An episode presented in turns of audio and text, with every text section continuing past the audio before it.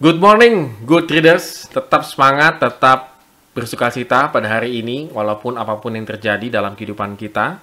Jangan letih, jangan lelah, jangan loyo, jangan berputus asa, tapi tetap kita bersuka cita di dalam Tuhan.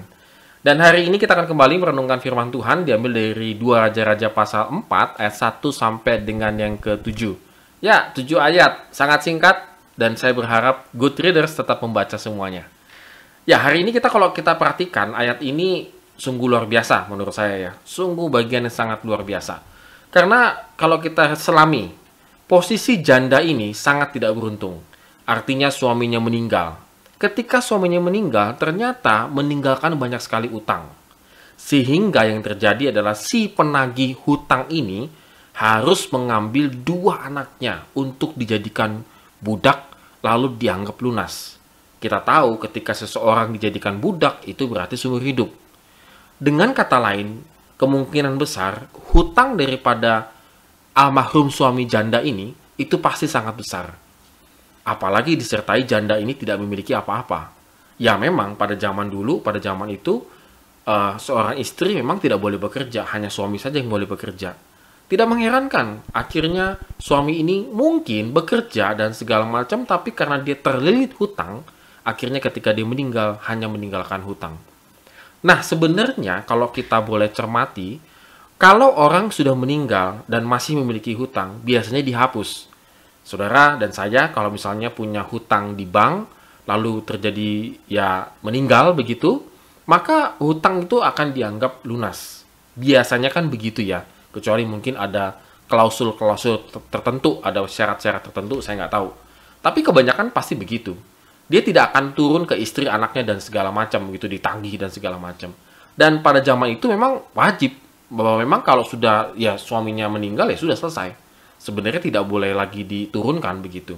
Tetapi mungkin si penagihnya ini tuh sangat jahat sehingga mereka ingin mengambil dua anaknya. Nah, akhirnya Elisa membantu, Nabi Elisa membantu janda ini.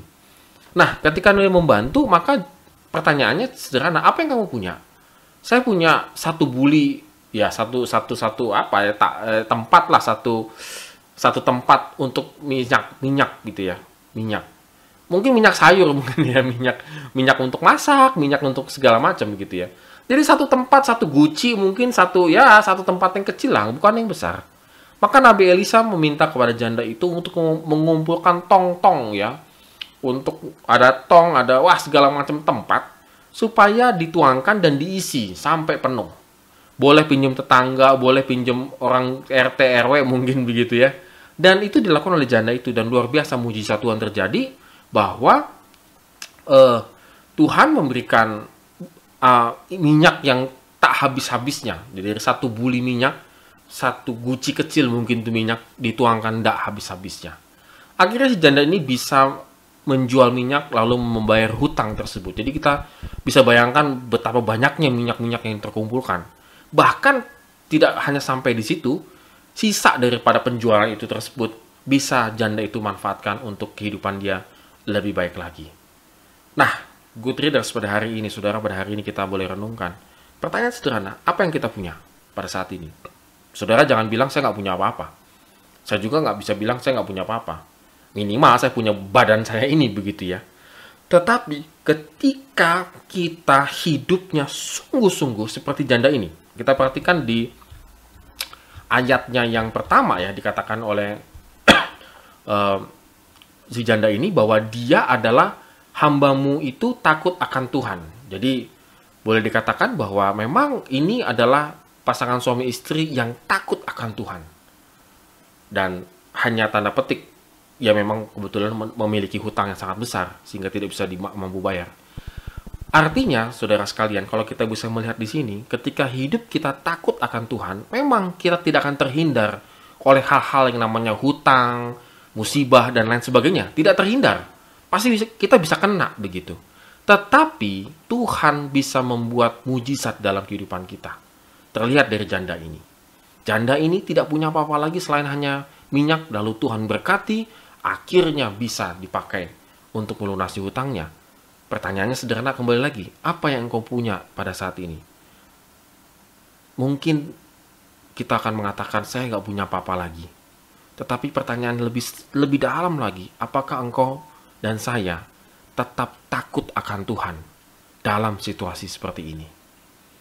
Saudara sekalian, pada hari ini kita renungkan kembali firman Tuhan.